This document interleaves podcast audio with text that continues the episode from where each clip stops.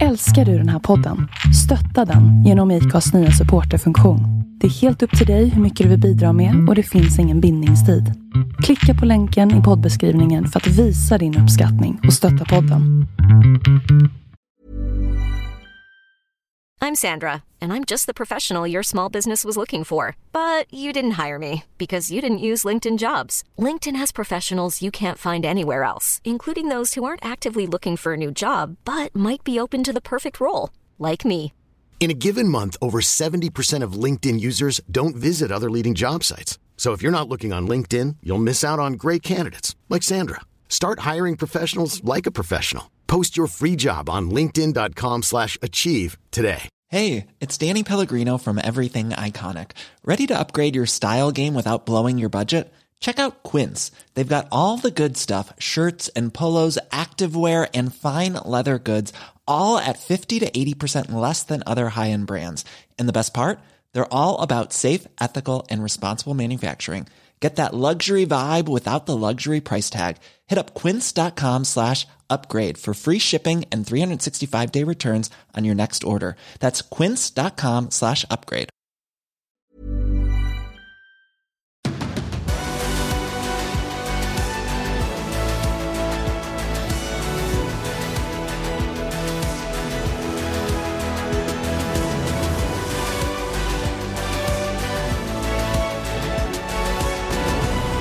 Välkommen! MotoGP-podden kommer att ha uppsnack inför eh, Brno som är tredje racet för säsongen. Andreas, hej! Bernå.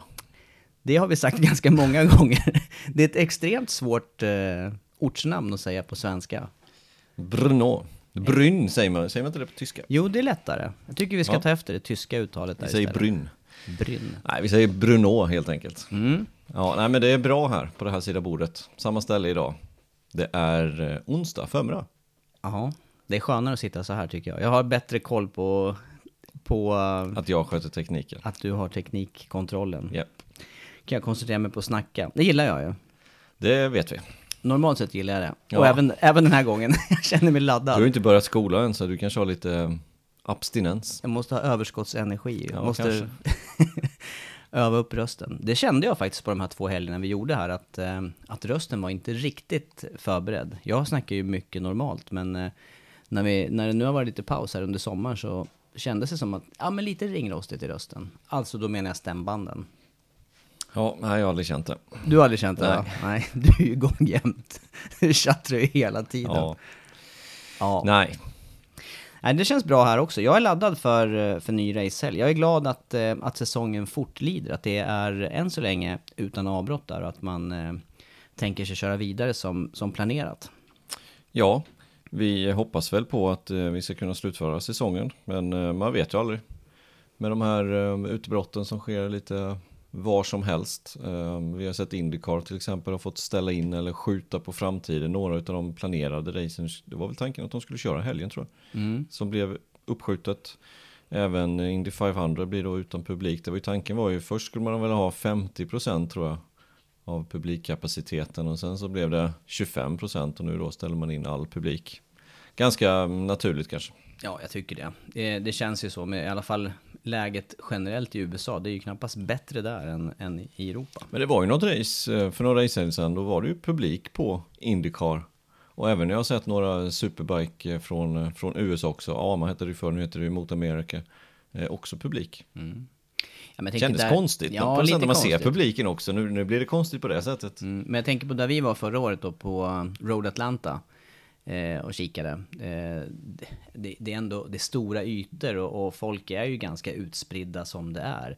Det var inte så att det var stora läktarsektioner utan det var ju mer naturbana. Så att visst finns det, visst borde det finnas skillnader och möjlighet att ta in lite publik tycker jag. Ja, det blir väl lite problem med, med kiosker och restauranger, toaletter, det är väl det som, det är ju där det egentligen strular till sig på sådana här evenemang känns det som. Jag, jag, jag vet inte egentligen, men det är vad jag gissar. Ja.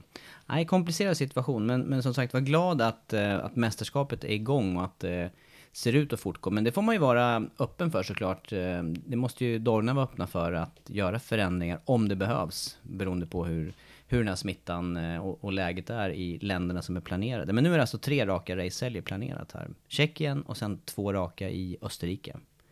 Ja, så är det. Ska vi dra lite innehåll idag då? Tänker vi oss, eh, jag tänker mig i alla fall eh, att det finns anledning att prata lite grann om kalendern och sen då det stora kring Mark Marquez här som, som inte kommer att kunna köra kommande helg. Det kan vara en punkt.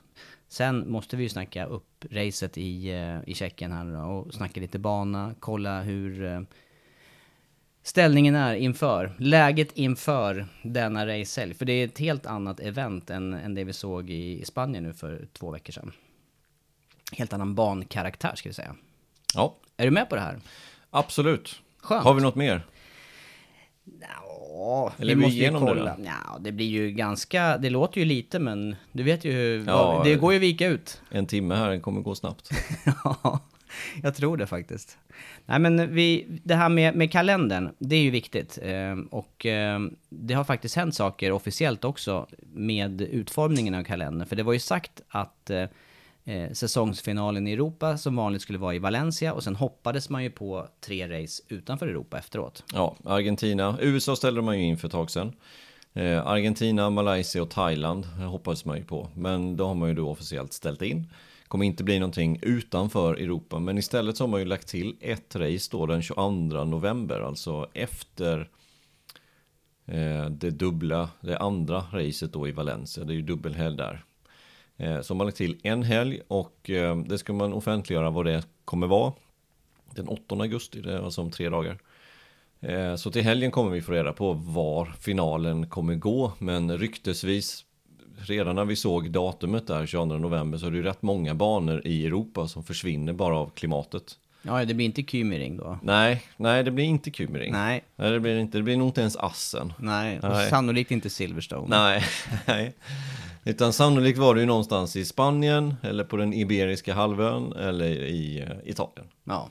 Och eh, ryktena säger ju Portugal. Och där går det lite, det, det är ingen riktigt som vet om det är Portimao eller om det är Estoril. Men eh, gissar man så, så gissar jag ju på att det är Portimao. Vi har inte kört någon MotoGP där, de kommer köra Formel 1 där i år. Eh, Det ligger väldigt mycket söderut vid Faro ungefär, nästan vid spanska gränsen. Medan Estoril li- ligger lite mer längre norrut. Eh, Så gissningsvis eh, Portimao. Mm. Ja, jag tror också det. Och sen tänker jag också med, också med, med säkerheten. Jag menar, det, det var en anledning med, med Estoril där, eh, inte bara säkerhetsmässigt, den, den, känns, den anläggningen känns lite daterad, att man skulle behöva fräscha upp den för att använda den. Ja, och Portimao är ju, ja, den har ju hunnit bli sina tio år gammal också, minst, säkert mer än det. Men eh, jag kommer ihåg när Superbike-VM var där första gången.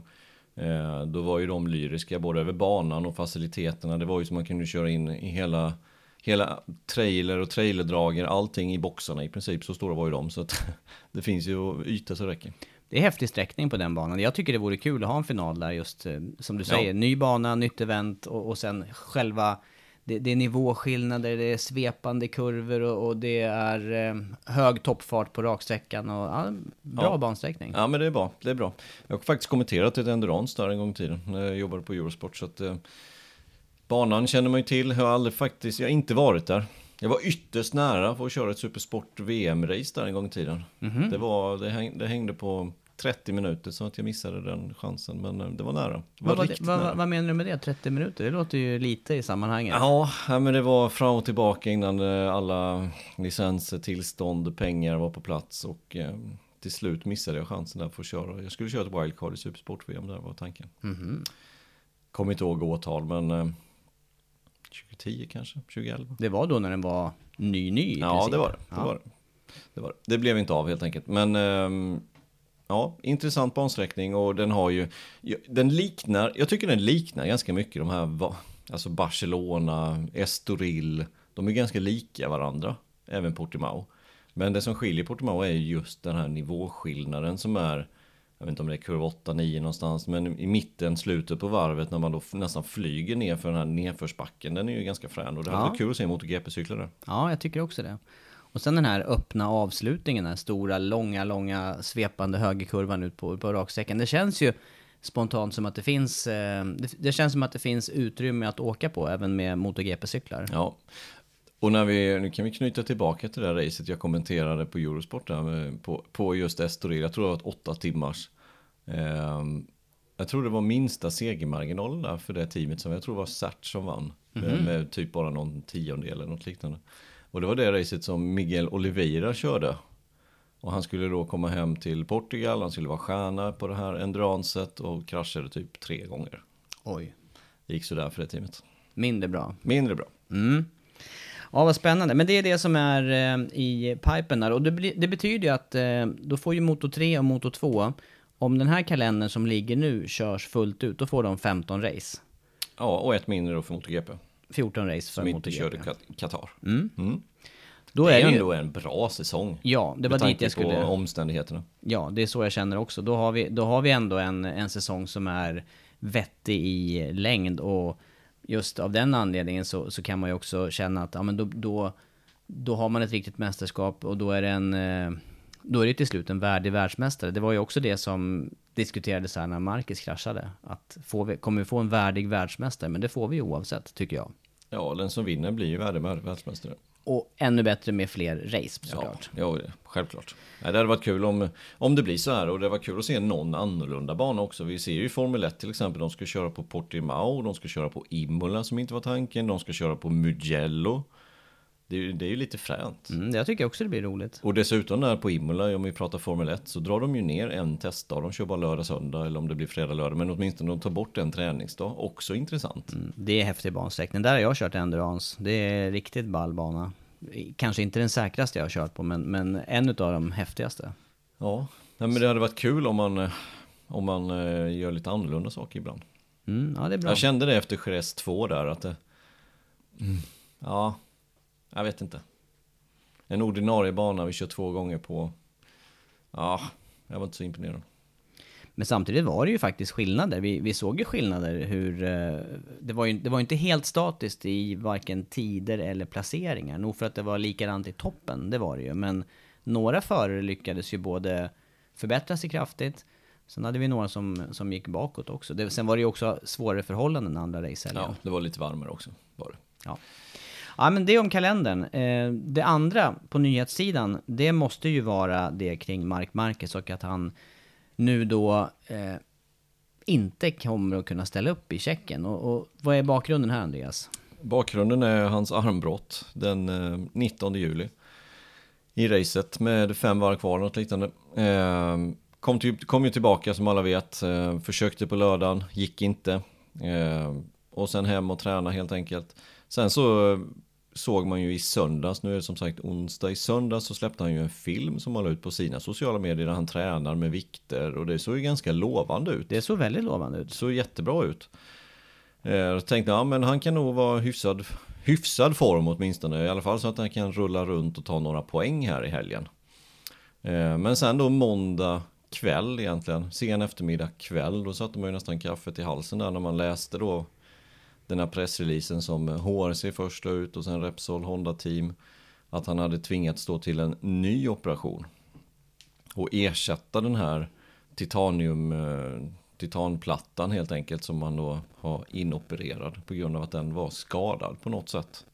Böjd, eh, har inte framgått riktigt exakt. Eh, men han tvingades till en ny operation helt enkelt. I mina öron låter ju det då som ett större ingrepp här. Att göra om en grej och sen eh, vi såg ju röntgenbilder med eh, ett antal skruvar som, som fäster den här titanplattan från första operationen. Då ska ju det på något vis fästas om och... Ja, ja för 12, mig, för 12 mig, stycken var det ju. Ja, för mig låter ju det som, eh, som lekman då igen. Vi får ju verkligen understryka det här nu. Vi har ju ofta lekmannauttalanden men det, det känns ju som eh, mycket och svårt att behöva göra en operation till. Ja, eh, 13 dagar efter den förra operationen när precis såret har väl läkt precis dygnen ska tas bort egentligen. Eh, börja, börja öppna upp igen, skruva ur de här 12 skruvarna antagligen. Det gissar jag på åtminstone två utav dem var väl kanske ben till ben men åtminstone 10 då som höll den här plattan. Eh, dit med en ny platta. Antar att man inte kan använda samma skruvhål. Jag gissar på det. För att få stabilitet i det hela. Det är ungefär så jag spekulerar också i mitt huvud där. Ja, och då blir det, då blir det mer schweizerost där i de benen, eller i det benet. Eh, men sen kom det ju ganska omedelbart efter att han inte kommer att köra i helgen. Eh, och ersättaren blev ju klar då med Stefan Bradel. Så att, nej, inte bra. Inte bra för, för Marquez överhuvudtaget. Nej. Nej, det är det absolut inte. Och, och spekulationer eh, blir ju naturligtvis kring det här med hur vettigt var det att, att komma tillbaka så snabbt som man gjorde och, och göra den här eh, comebacken redan racehelgen efter, alltså mindre än en vecka efter det här. Och samtidigt så, så är det ju svårt för oss att sitta och spekulera i om den här eh, plattan har påverkats av det eller av träning efteråt här. Det är ju väldigt, det är ju oklart. Ja, men eh, det är ju lekmannauppgift eller vad vi kan tänka oss. Men jag har ju svårt att se att den skulle ta skada av det han gjorde, det han körde där. För att då hade de ju upptäckt det lite tidigare än måndagen veckan efter. Alltså nio dagar efteråt. Ja. Och som han, han har ju legat i med träningen den veckan kan man ju gissa på. La ut den här filmen på söndagen och gör han en, lägger han ut en sån film då känner han sig nog rätt säker på liksom att köra och hyfsat fit ändå. Eh, och sen så händer det här på måndagen. Jag, jag tror att han har, han har Jag tror han har tränat antingen för hårt eh, eller fel eller så kanske han har halkat i duschen eller i köket eller vad som helst eller slått i någonting eller något liknande. Jag tror inte det har med att göra med det han körde. Men tittar man på de här, ja men det, det är inte, det är inte motocross vi pratar om. Det, det, är inte så att det hoppar och slår och far åt alla möjliga håll och kanter, utan det är ju för, det är påfrestning, men det är ju förhållandevis som förare så vet man ju i vilken riktning påfrestningen kommer ifrån i alla fall. Ja. Någorlunda ja. i, i racing. Och, och det, jag håller med dig där, det, se, det, såg ju, det såg ju nästan ut som vanligt när han körde. Ja, nästan på. Ja, nej men det, det, kommer vi säkert få reda på vart det lider. Nu vet vi inte. Eh, och vad det egentligen var som hände, det lär ju bara Marcus ha vetat. Eller ja. vet, vet ju han. Och säkert någon i, i absoluta närheten. Men nu börjar det på allvar påverka. Jag menar, man, man, kunde se en viss ljusning för hans egen del då. Om han hade kunnat, hade han kört igenom racet på Jerez. Så då, då, hade ju han, då hade han haft eh, åtminstone en handfull poäng tänker jag. Ja, det hade han haft. Och kanske mer. Ja. Men nu börjar det på allvar påverka mästerskapet också. Pratade inte vi om detta i någon podd för ett tag sedan och sen så blev vi dumförklarade förra podden när vi sa att han är tillbaka till Misano men nu, nu verkar det vara så. Ja. Nu verkar det vara fem race som han kommer att nolla. För de senaste rapporterna säger att han, han själv har insett att eh, eller teamet runt omkring honom, Honda, att det inte blir någon körning nu, varken i Bruno, det är ju klart, men även Rebering gånger två. Utan att det är, och sen är det ju två racefria helger efter det och sen är det Misano. Ja, och då måste det ju vara en, en bättre och långsiktigare plan att försöka bli återställd. Ja, men allting beror ju på, det, det, hade ju gått, om han inte hade gjort någonting sen första skadan, om man nu får säga så, eller ska, själva brottet och operationen, då hade han haft lite mer än sju veckor på sig. Men har han brutit upp det ordentligt igen nu, jag har ju sett röntgenbilder som florerar på, på nätet där, där man får se den här en ny röntgenplåt helt enkelt där, där titanplattan är av. Nu kan inte jag bedöma om det är fake eller inte. Jag tror att det är fake nämligen för att jag inte sett det från de officiella kanalerna. Och en, en röntgenplåt är ganska lätt att göra i Photoshop så att det ser dåligt ut. Va? Men eh, skulle det stämma att det är så illa, det kanske är så illa även fast inte röntgenbilden är släppta. Eh, då är det ju som att börja om på ruta ett igen. Ja det är det. Och, och då, då, har vi, då, då är det bara fem tid. veckor kvar. Mm. Och då börjar det bli problem även till Misano. Ja, eh, tuff, tufft år för, för Marcus. Det är ju helt klart. Tuff inledning ja. på året och eh, lång, långsiktiga följder. Långsiktiga svåra följder. Ja, det är bara att hoppas att eh, det är okej nu. Alltså, vi vet inte hur det har hänt med den här nerven i det här brottet. Om vad han har gjort för någonting. Om det då är ett nytt brott eller om, det, om eh, den här titanplattan bara var lite, lite böjd så att det inte läkte ihop 100%. Vi vet ju inte. Nej, det, inte det du säger där är ju viktigt. Det vet jag från, från tidigare operationer, just det här med nerv, nerver och känsel och, och hur det, det, det, kan ju trycka på alla möjliga konstiga sätt om, om det blir knas med nerver just. Ja, och vi har ju den där nerven som går i överarmen som de var rädda för första gången. Nu ska nog kanske inte det vara någon fara denna gången heller. Men vi vet ju inte vad som har hänt. Vi vet bara att han har genomfört en en lyckad operation för att byta ut titanplattan. Sen hur den såg ut innan han bytte den, det vet vi inte, det är bara spekulationer. Nej, det är... eh, Men de där, jag, jag är också inne på det här att en, en platta, en sån där, eh, i, i det materialet och det man sätter in, den går ju inte bara sönder. Det är inte, det, det, då måste ju till någonting som händer. Ja, ja, men vem vet vad han har gjort? Nej. Jag tror inte detta har att göra med första racehelgen han körde. Utan jag tror att detta är träning hemma. Som, eller någon olycka hemma eller ja, något liknande. Nej, sånt, sånt har man ju sett förut också, som mörkas såklart. Ja, ja, det- det kommer vi, det kommer vi få reda på. Apropå det här med just olyckor utanför racingen, det var ju faktiskt lite drama efter racet i, i Jerez där. Jag tänker på Sky Racing Team där. Dels, dels att de låg i sandfållan, men vi noterar ju någonting också. Ja, vi noterar ju också någonting där med, med champagnen där, eller Ja. med, med eh, bubblet som skulle, kavan var det väl antagligen då, men eh, på, på pall, vad hände med Vietti? Han, han skadade sig rejält. Ja, det gjorde han. Han skulle väl, han, han skulle ju hoppa från pallen, slå ner flaskan i golvet på något sätt. För att få Få, lite få, upp riktig, den liksom. för att få riktig fart Ja, på exakt. Och jag tror att den som började, nu ska jag inte säga vem som började med det, men den som har gjort det i, i, i ja, tillbaka i tiden lite, alltså inte speciellt långt bak, det är ju Lando Norris i Formel 1. Jaha. Han gjorde en sån där grej. Men gjorde det på rätt sätt. Vietti gjorde det så att flaskan gick ju i all världens, eh, ja, så att halsen gick ju av. Ja, det, syn, det syntes ju faktiskt. Ja, exakt. Eh, och kunde- ja. Då skadade han ju handen. Och vad jag förstod så fick han sy också sex stygn i handen. Ja, jag var, jag, var, jag var inne på att det var ännu mer, men jag- det har jag hört lite olika rapporter om att det var Okej. ännu mer stygn. Och Okej. jag menar, handen är ju, den är ju... Där blir det ju många stygn ganska snabbt, även fast det inte är så stort. Jo, men det är också en väldigt eh, viktig ja. del. Det är ju väldigt lätt att skada någon ja. sena, eller det är massa fina strukturer där. Ja, det är det. det, är inte bra att skada handen. Nej, det det gjorde ju inte. även, om vi är i samma team här, det gjorde ju även eh, eh, Bolega faktiskt. Han skadades ju i... Eh, Han, slog ju in och bord. I köket. Ja. vad? Ja, Ja. glasbord. Just det, glasbord var det. Ja. Ja, han fick väl stryk på Fifa på Playstation kanske och slå sönder. Antagligen. Har man ju varit med. Antagligen.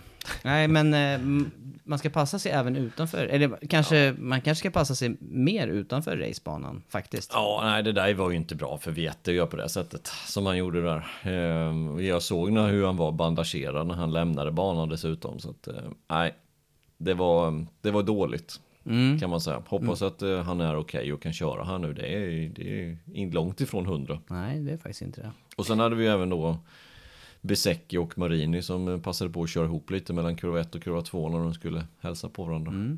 Sånt kan också lätt bli en skada. Ja, ja, ja.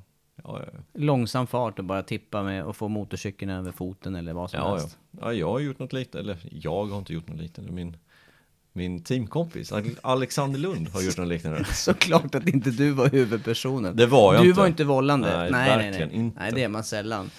Hur, hur, var det, hur var det officiellt då? Han provstarta in i dig, eller hur var det? Ja, nej men du vet som man gör efter warm-upen. Eh, alltså inte, alltså några timmar innan race. Ställa upp på baksidan, på Sturup var det. Ställa upp jämte varandra, vi ska göra en provstart och det brukar man göra tillsammans just för att se vem som gör en bäst start och gör man en bra start och den andra gör ännu bättre då får man ju hitta någonting där. Alex upp på bakhjulet, tappar kontrollen, kör rätt in i mig och jag bryter skulderbladet. Nej, och sådär. Och det var ju, det var ju på riktigt skada då. Ja, jag, jag var skadad. i- Ja, var borta i åtta veckor. Det gick inte att operera, det gick inte att skruva. Illa. Hur kändes det? Kändes det fladdrigt? Eh, nej men eh, jag fick en spricka i det bara. Eh, från början. Och sen på racet så skulle jag ju köra ändå såklart. Eh, ställa upp för start och sen så i andra svängen efter start. Jag gjorde en klockren start. Alex tog starten och jag blev tvåa. Eh, och sen första inbromsningen så bara kom hela axeln. Bara, bara knakade till. Så knakade knakade fram och tillbaka. Tog jag tillbaka och tänkte, att ah, jag kan nog köra det här racet. Det går nog. Ja, så sen var det två inbromsningar till när det kom. Sen var det kört. Sen blev det inte mer. Gick det av helt och hållet? Ja, då, det var då det gick av. Det var en spricka inne i det bara efter, efter smällen. Men sen gick det av då första inbromsningen. Apropå det här att köra lite tidigt efter en skada. Ja, exakt. Fast det var ingen som visste. Det Nej. finns ju inte de faciliteterna riktigt i SM-sammanhang som man visste att det var av. Det visste man inte. De kände lite på det uppe där i klinika och tyckte att men det, det, du, du kan köra. Ja, det var så i alla fall. Ja. Du, du uppsökte i alla fall eh, Ja, ja det var sjukstugan. tvungen. var jag tvungen att göra. Ja. Fick lite bedövning och grejer, men eh, som sagt, andra inbromsningen sen sket sig. Mm. Då kan det gå. Ja. Så det kan hända när man kör ihop sådär så kan man One size fits all seemed like a good idea for clothes Nice dress. Uh, it's a it's a t-shirt. until you tried it on. Same goes for your healthcare. That's why United Healthcare offers a variety of flexible, budget friendly coverage for medical, vision, dental, and more. So, whether you're between jobs, coming off a parent's plan, or even missed open enrollment, you can find the plan that fits you best. Find out more about United Healthcare coverage at uh1.com. That's uh1.com. Ryan Reynolds here from Mint Mobile. With the price of just about everything going up during inflation, we thought we'd bring our prices down. So to help us, we brought in a reverse auctioneer, which is apparently a thing. Mint Mobile unlimited premium wireless. Ready to get 30, 30, bit to get 30, bit to get 20, 20, 20, bit to get 20, 20, bit to get 15, 15, 15, 15 just 15 bucks a month. So, Give it a try at mintmobile.com slash switch. $45 upfront for three months plus taxes and fees. Promo rate for new customers for limited time. Unlimited more than 40 gigabytes per month. Slows. Full terms at mintmobile.com. Hey, it's Danny Pellegrino from Everything Iconic. Ready to upgrade your style game without blowing your budget? Check out Quince. They've got all the good stuff shirts and polos, activewear, and fine leather goods, all at 50 to 80% less than other high end brands. And the best part? They're all about safe, ethical, and responsible manufacturing. Get that luxury vibe without the luxury price tag. Hit up quince.com slash upgrade for free shipping and 365 day returns on your next order. That's quince.com slash upgrade. slå sig. Mm, helt klart. Men du, tillbaka till Marcus här nu då. Det är, det är kritiskt läge naturligtvis för säsongen. Det blir ju det automatiskt. Missar, man nu, missar han nu tre raka race här, då öppnar ju det här upp för, eh, för vad som helst. Ja, eh, går vi tillbaka där till Marcus eh, så, så säger ju ryktena nu att nu så släpper han Bruno, då, då släpper han de andra två också. Så säger i alla fall rapporterna, men det är ingen riktigt som vet. Eh, men det är ganska naturligt att har man missat och nollat de två första, man kommer nolla det tredje. Då det, det, det är egentligen ganska liten chans att han kommer tillbaka då och kan vinna mästerskapet. Och då kanske det är bättre att skippa båda Reb och Ring eh, för att vara åtminstone 90-95, kanske 100% då till, till nästa race som är efter det. För anledningen till att han vill komma tillbaka så här tidigt är ju mästerskapet. Det, det, så enkelt är det ju. Finns det en chans på mästerskapet då tar man ju den chansen. Eh, men när, det, när den liksom glider undan den möjligheten då är det bättre att vänta extra länge om man nu får säga så. Ta lite höjd ja. Ja, och sen vet vi inte vad han har gjort nu igen. Det kanske bara var en liten, liten, att den var lite böjd den här plattan. Eller så var den helt av igen. Vi vet ju inte. Vi vet inte allvarligt det här är. Så um, vi får helt enkelt avvakta. Men jag tycker man blir... Jag blir trött på att läsa på Twitter ibland alltså. Vad tänker du då på? Nej men alla förstår sig på det som bara, nej men det, vi sa ju det, det var för tidigt att köra. Ja, jag kan inte förstå att han, att han fick tillåtelse att köra av läkarna och bla bla bla. du alltså, menar, då att man, du menar man man vet inte det här innan eller? Ja, men då fattar man ju inte hur en förare tänker. Nej, det, det håller jag med om. Det finns ju ingen förare som släpper, släpper någonting eh, i onödan. Nej, men sen förstår jag också att ja, men då skulle teamet sagt nej eller läkarna sagt nej, men vad fan. Jag blir irriterad att läsa sånt där. Vi såg ju själva tiderna som han körde där under lördagen. Det var ju, det hade ju räckt, eh, det hade ju räckt långt. Det är så jäkla lätt att vara efterklok. Ja. Så jäkla lätt är det. Ja. Jag är inne på din linje där, att det där var ingenting som, som påverkades eh, negativt av att han försökte den lördagen där. Nog för man tyckte det var... Nog för man tyckte att det var speciellt, men det går ju inte att bedöma utifrån heller. Det är ju den som sitter i sadeln där som måste känna efter. Ja, Är och det här det är läkarna runt omkring som är verkligen runt omkring. Vi andra som inte förstår sig ens på medicin och ska försöka tolka en journal eller någon röntgenplåt. Ja, Nej. Och de gör, ju, de gör ju rejäla tester också som... Ja, det har vi ju sett. Som vi konstaterar. klarar man att göra 20 situps och eller armhävningar. Ja, då, är, då kan det inte vara så stort fel Nej. ändå. Även fast det är brutet. Jag, jag fattar ju det här också att det är lätt att vara efterklok och det är lätt att, att säga en sak. Men jag blir trött på att läsa det. det. Det man kan vara kritisk till, om man ska vara kritisk mot någonting så kan det vara att man åker motocross två veckor innan premiären och slår sig. Det kan man vara kritisk till. Ja, och, och tävlar dessutom. Ja, det kan man vara liksom efterklok med och nästan håna på Twitter. Det är helt okej. Det, det kan jag ändå tycka att det är, det är klantigt. Och nu syftar det på Dovizioso framförallt här. Ja. Mm. Det är en så, eller flera andra förare också, inte bara Dovi som har slått sig på motocross senaste året. Nej, det, och jag fattar att man måste träna också, absolut. Men då kan man börja snacka om sådana här saker. Men, men en förare som gör allt i sin makt på gymmet hemma med vikter och allt möjligt och går igenom de här smärttrösklarna. Och sen så när, han, eh, när, det, när det blir en, ett tillbakaslag liksom i träningen som nu uppenbarligen har hänt. Då går man ut på Twitter och säger ja vi sa ju att det var för tidigt.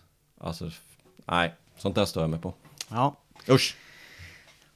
Då stänger vi den. Då stänger vi med detta tycker jag. Nu blir jag upprörd. Ja, nu, nu försöker vi, nu Andreas, för kan man lite medhårs här. Men eh, det här är, eh, att vi är inne på det här, det är att det väntar en ny racehelg. Jag tycker vi kommer in på Tjeckien och Brno.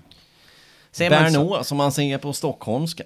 Ja, och det här Ja. är ju ett, eh, ett av de allra äldsta racen på kalendern och att den... eh, Det är också, apropå faciliteter som vi sa tidigare i podden, så är väl också det, faciliteterna ett av de allra äldsta på kalendern också. Vi har ju haft kanske Ja, en är, av de, Det är knappt rinnande vatten. nej, en av de värsta upplevelserna i, i eh, kommentatorsväg på den banan just. Ja, ja det är sådär. Normalt sett så har man kanske en kommentatorsbox som åtminstone man har ett fönster i. Kan man ju tycka, emellanåt i alla fall. Men inte på Bernå. Nej. Då är det en container. Ja, där har vi suttit i en container och eh, den Två var antingen, ja, den var antingen kokhet eller slog man på Asien iskall. Det fanns liksom ingen mellanläge där. Och inget fönster. och inget fönster, nej. Men, eh, nej. Eh, den funkar. Som bana sett så funkar det. Det är en, det är en, det är en Ja. häftig och mäktig anläggning banmässigt. Det är den. Men eh, återigen, som mycket annat med MotoGP så börjar den att bli för liten. Det börjar gå för fort på Bruno. Mm. Eh, samfållorna räcker inte till riktigt. Eh, på vissa ställen. Ja, det är behöver man det- förbättra. Mm. Och sen behöver man eh, meja ner hela depån och bygga en, en ny eh, depåanläggning där allt får plats. Det är Ja. vad man behöver göra. Eh, säkerheten, faktiskt. Det var bra att du sa det, för det var ju, där hade ju Mir sin stora testkrasch förra året. Det Och var, det i- var kurva ett. det var kurva ett och där är det ändå hyfsad avåkning. Ja, det är det. det, är det. Eh, sen är det ju faktiskt uppe på krönet, eh, kurva tre blir det. Vänstern, Mm. där uppe är det ganska kort. Ja, och även sen nerför backen, kurva fem måste Mm. det bli. Ja. Den är extremt kort. Och sen är det ganska kort även eh, nerför bakrakan. Mm, kurva 10. Och, där, och där går det ut för också. Och där har vi sett flertalet förare nå muren. Många gånger. Ja. Och sen även... sen slängde ju Rossi upp. Exakt, Han slängde. Yamahan upp eh, nästan upp i en sån här eh, fotoshuttle-bil Ja, för ett par år sedan. det var ju kurvan efter. Upp för backen, in i chikanen som är där. Ja. Eller, det är, nog, det är ingen chikan riktigt. Det är en höger, vänster-höger kombination. Och så fortsätter vi ut på start och målrakan där man också då förlängde eller breddade banan lite grann för att slippa det här att förarna, man kommer ut i ganska hög utgångsfart genom sista sväng och så är det då lite kort med curbs och det är grus och det har sprutat och så. Och får man fladder där så är man också ganska fort ute mot, eh, eh ja, mot barriären helt enkelt. Ja. Nej men den... ehm, den är stor ändå den här banan. Men på något sätt så går MotoGP-cyklarna så fort idag. Så att... ehm, den, är, den är lite liten. Just avåkningszonen. Ja, men Mm. bansträckningen är ju underbar. Mm. Har du kört race själv? Inte race, men jag har varit här många gånger och kört. Mm. Tränat. Ja, jag har kört race eh, under, med för lite effekt och då är den riktigt tung. Så det är verkligen eh, det här som, som vi snackar om inför MotoGP-helgen. Det är en effektbana för det är stora nivåskillnader och det, det är hårda accelerationer. Men samtidigt är det också väldigt många omkörningsställen, de här eh, kombinationerna, vänster-höger kombinationerna oftast då som, som är eh, där det finns, jag tycker det, det kan bli riktigt bra race, men vi har också sett race där, där vinnarna har försvunnit. Så var det ju förra året faktiskt. Ja, så var det. Marcus var helt eh, överlägsen under förra säsongen där. Eh, och vann också racet med 2,5 sekunder. Men han kontrollerade ju racet eh, från början egentligen. Det var, ingen, det var inget snack eh, förra säsongen. Men eh, som sagt, nu på söndag så är inte Marcus med. Bara en liten parentes där. Vem kommer att göra den första och snyggaste och längsta stand-up wheelisen i uppförsbacken tillbaka till depån? Eh, det gör de ju ofta då efter träningarna, förarna. De gör ju det. eh, Det är ju typiskt där, uppförsbacken. Det är ju Mm. perfekt att göra det på. Den är väldigt, väldigt skön. Jag har sett lite spännande wheelies överhuvudtaget på den här banan. Men eh, jag tänker mig att... Eh, Men Miller är ju grym på det ju. ja, det är han. Och Quartararo är också grym på det Ja. Så de två, håll utkik för dem. Efter träningarna. Upp mot eh, depåområdet alltså. Exakt. Jo men där har Nej, det de här, varit... de här andra jag syftar på, det, det måste ju alla ha sett nu. Det är dels Biagis målgång ett år där på, på 500. Ja, När han, alltså man ser ju fullkomligt hur han famlar efter fotbromsen där och börjar vingla på bakhjulet och snudd på att de här två piperna uppe i kutsen tar i asfalten. Så långt bak är han ju. Han ser ju verkligen ut som, eh, han är passagerare i den wheelen. ja det var helt Och sjukt den, att han var den, ute. den, den kommer ju upp, så det ser ju fint ut när den börjar komma upp och sen Ja. bara smäller det till. Och sen Effekten är det, vet du, de där 500 Den kom. När kan det ha varit? 99 kan det ha varit det? ja, Nummer. 6 hade han i alla fall på en Marlboro Yamaha. Ja. ja, problem. Och sen var det ju Bautistas, visst var det Bautista? Ja, Bautista. 250. 250 ja. Han pulveriserade en eh, RSW 250 fabrikshoj. Och det var efter målgång. Det var efter målgång och det var uppför just den backen han slog runt. Den, bara, den fick ju fart också den här hojen och bara... Slog sönder sig själv. Nej, det blev eh, inte bra. Nej. Nej, men jag håller med där. Jag ska hålla utkik efter Miller, som för övrigt kom, eh, kom trea förra året. På sin Ducati då. Ja.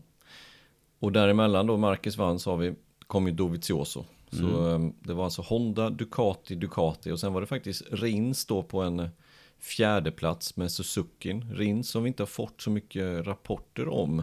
Han körde ju racet, tog sig i mål, tog viktiga poäng. Jag tror han blev 10 eller något liknande. Eh, Men sen har vi inte hört så mycket sen dess. Så vi vet inte riktigt hur det är med eh, Alex Rins och hans axel. Hoppas att eh, det är bättre än vad det var förra veckan. Bästa Yamaha var Rossi på en sjätte plats.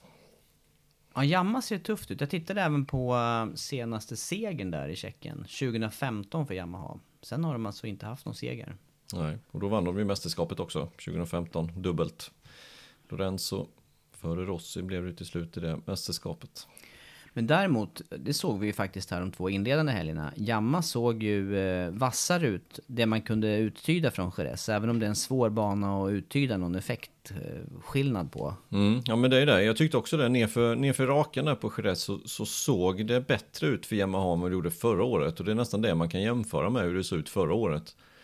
Eh, men de har, eh, ja de har ju mer effekt Yamaha. Frågan är om det räcker då, för vi ska komma ihåg där på Jerez, Ducati-cyklarna Ligger inte i ens i sexan där på, på bakrakan. Så att det är nu vi får se om eh, Yamaha har gjort jobbet effektmässigt. Men mycket tyder på att de faktiskt har förbättrat sig. Men sen att det kommer räcka hela vägen fram, mm, det märker vi. Mm. Men, men, men också då, och det har vi också behandlat tidigare, det här med eh, att Yamaha faktiskt haft problem också med eh, ett par brutna race. Och då tänker jag på Morbidelli, jag tänker på Rossi här de två första helgerna. Ja, eh, sägs att de har hittat det här felet då, att det ska vara det här sensorproblemet. Eh, sen är frågan om de får byta den här sensorn. Återigen, det, det går bara rykten än så länge. Vi vet inte riktigt om de får det. Eh, men troligtvis är den här sensorn innanför plomberingen och då måste de helt enkelt ha tillåtelse från MSMA, alltså tillverkarnas förening, eh, att byta den här. Om de får det eller inte, eh, ja, vet vi inte.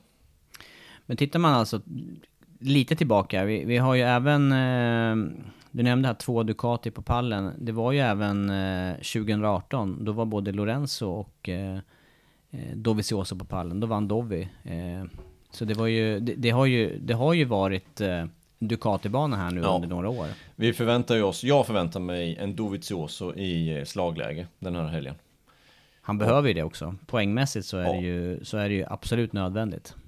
Jag tror, alltså de här tre racen nu som kommer, eh, Bruno, Red Bull Ring, Red Bull Ring. de kommer ju bli jätteavgörande i mästerskapet. Det, det är knappt man kan säga så egentligen av race nummer 3, 4 och 5 i ett mästerskap av 14. Men de här tre racen, de är extremt viktiga. Eh, nu är Marcus borta, åtminstone i helgen, troligtvis även Rebering, gång två. Nu är det dags för Dovizioso, helt enkelt. Och på ett sätt, Dovizioso har ju någon, ett, ett, krav på sig nu att prestera, ta in de här, väl ligger 24 poäng efter mästerskapet. Ja, stämmer.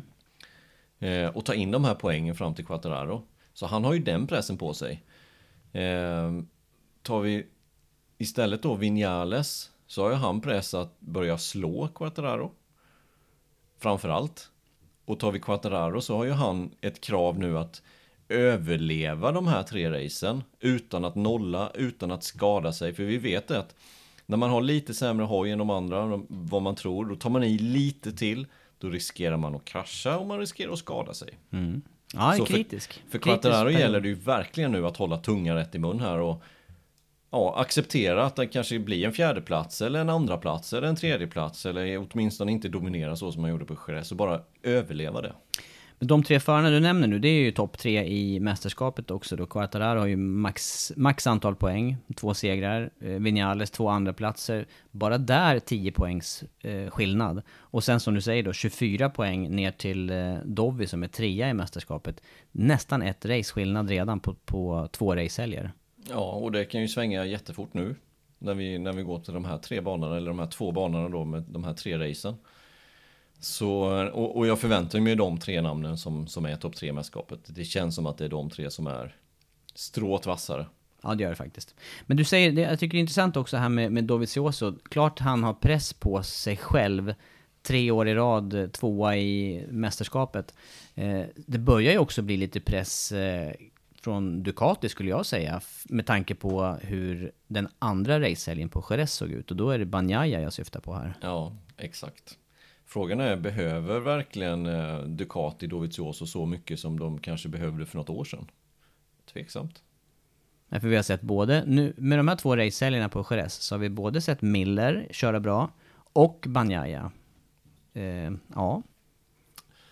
Ja. Och Dovi hade ju ingen an, han hade ju inte någon bra andra racehelg. Nej, det hade han inte. Han blev sexa där. Men lik förbaskat så är det ju han som ligger bäst Ducati i mästerskapet. Ja, det är sant. Det är så. Det är sant. Banjai åkte ju från andra racet med noll poäng och det gjorde Miller också. Ja. Men man kan, men, men eh, sannolikt eh, lite ökad press inifrån. Eh, kanske inte i nuläget perfekt förhandlingsläge för Dovizioso, för han har ju fortfarande inte skrivit något nytt kontrakt i alla fall. Nej, han hade bra förhandlingsläge efter första racet på Jerez när han blev trea. Men återigen, det är superviktiga tre race här nu. För Dovizioso, precis som jag sa, att verkligen prestera, vinna race. Han, behöver inte, han, han kan inte komma tvåa eller något liknande här, utan han måste åtminstone, vad ska vi dra till med? Två segrar på de tre nästa racen. Det måste Dovi ha om han ska ha med i mästerskapet ordentligt.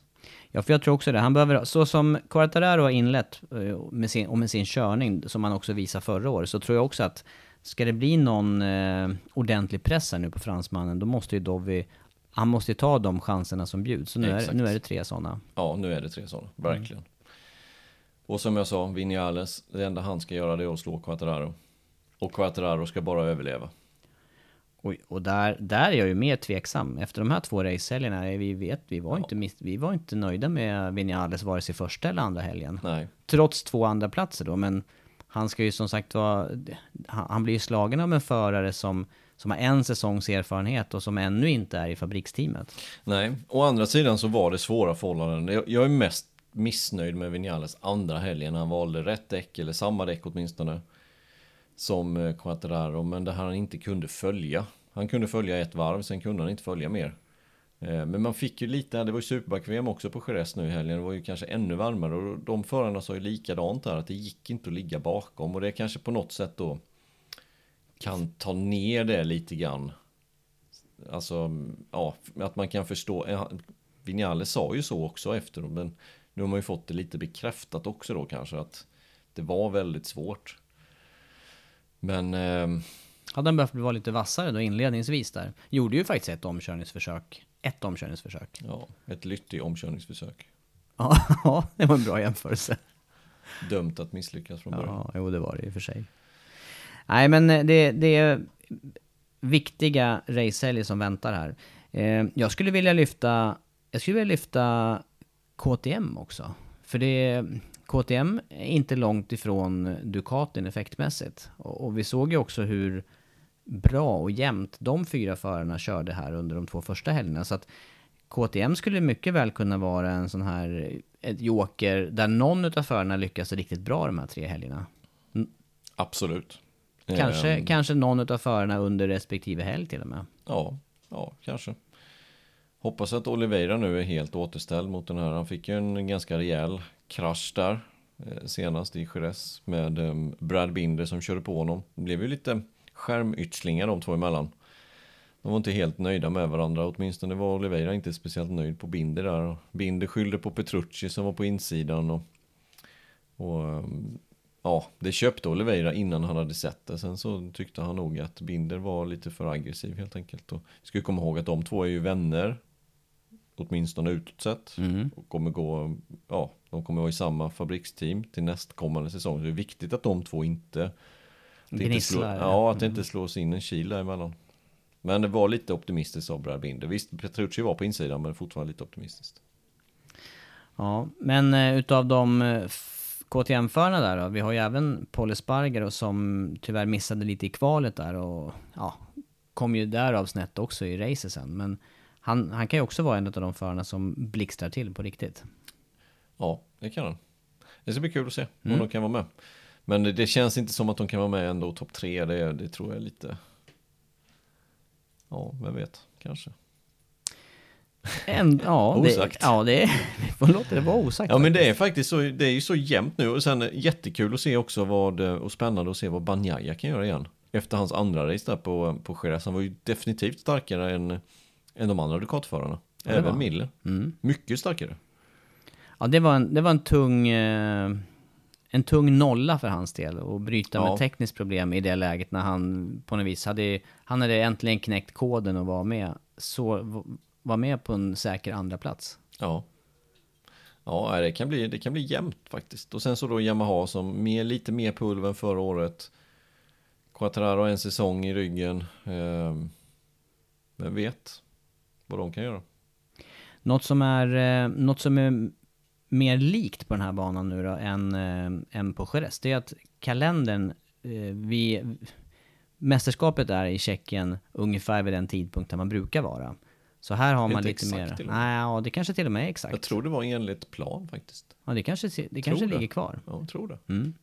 Eh, Men då har man ju lite mer data att gå på. Här har man ju alltså lite mera vana utav både bantemperaturer och lufttemperaturer och hur väderförutsättningarna brukar vara. Även om de också kan variera. Kommer du ihåg det här eh, racet eller dagen när det, när det var helt blött på start och målrakan och kurva 1? Var inte det förra året? Ja, det kanske var så snart. det. Det kanske var så nyligen.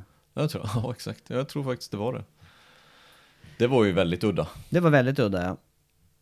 Men eh, väderförutsättningarna ser ju... Eh, håller jag på att titta nu faktiskt. Det ser varmt ut. ser väldigt varmt ut. 28-29 grader. Låg- Oska, kan det vara Oska? Nej, Har vi sett Oska någon gång i Tjeckien? Jag har sett det varenda gång jag var där nästan. ja, Osk, något åskoväder. uppe i bergen. Mm. Nej, här ser det... Ja, det, det kan ju komma in väldigt snabbt såklart. Men här är det alltså 28 grader. 29-28 grader, sol, litet moln kanske. Så att det kommer nog vara... Det kommer vara varmt i tunneln. Ja, du menar tunneln där mellan under start, och, under start och målrakan? Ja, den, den brukar kunna vara varm.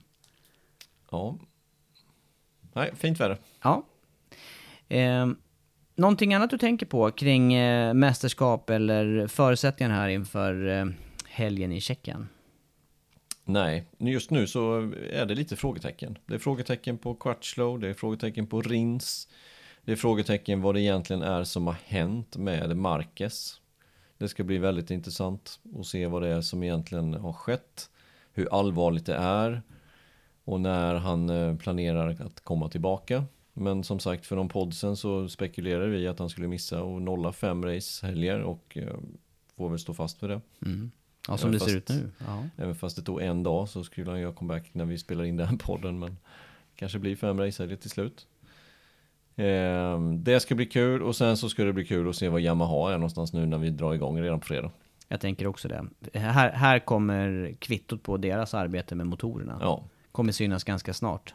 Och då kan vi ju titta mycket på sektor 4 här under, under inledningen på helgen. Ja, det kan vi göra. Och sen även vad som, eh, vad som händer med deras motorer. För de som säger Vinales har använt alla fem som man får använda i år. Och eh, det är inte bra. Nej. Det är inte bra för Yamahas del. Om de, de måste få ordning på det framförallt.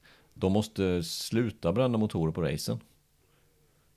Morbidelli senast, vad hände med hans motor? Det, här, det ska också bli intressant att höra vad det var egentligen som hände. Om de har tagit bort den motorn till exempel från, ja, från planen att använda. För har de rödmarkerat den motorn också då är, då är det ju tre motorer som är borta redan för Yamaha-förarna. Börjar bli kritiskt. Det kan bli. Och det, och det är ju kritiskt, liksom, eh, kanske inte just att man tar bort någon motor, men att då de andra fyra motorerna ska ju hålla då hela säsongen. Och det är kritiskt. Och sen kan vi addera Dovizioso också då, som eh, gärna får göra en, en bra inledning på helgen här, så att, han, eh, så att han känner att han är med och kan... Ja, han, man behöver vara med från start, så är det. Ja, alltid. Vad bra! Då blir det spännande helg att se fram emot. MotoGP, race nummer tre för säsongen alltså. Och eh, vi drar igång som vanligt på fredag. Ja, eh, det gör vi ju. Självklart. Eh, 9 och 45. Tack! Visst är det så? Ja, det brukar du. Du har ju bättre minutkoll än vad jag har. 9.45, race uppsnack 13.25 på söndag, som vanligt. Eh, V-sport 1 är det som gäller. Formel 1 i helgen också från Silverstone. Eh, vilket gör att eh, de sänder i V-sport motor och MotoGP flyttar sig till V-sport 1. Men jag vet också att det går, jag tror att det startar direkt efter Formel 1 också, eftersändning på V-sport motor. Ja, i alla fall. Viaplay funkar också. Ja. Ja. Så får räcka, tycker jag. Får räcka så för nu. Tillbaka en annan gång. Tack så länge.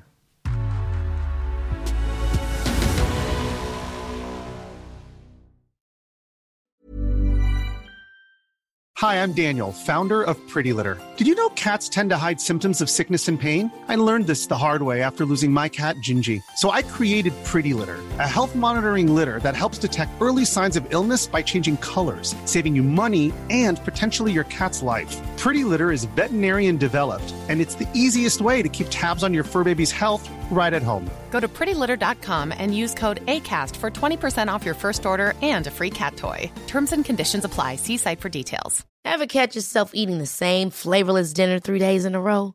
Dreaming of something better? Well, HelloFresh is your guilt-free dream come true, baby. It's me, Kiki Palmer. Let's wake up those taste buds with hot, juicy pecan-crusted chicken or garlic butter shrimp scampi. Mm. Hello Fresh. Stop dreaming of all the delicious possibilities and dig in at HelloFresh.com. Let's get this dinner party started.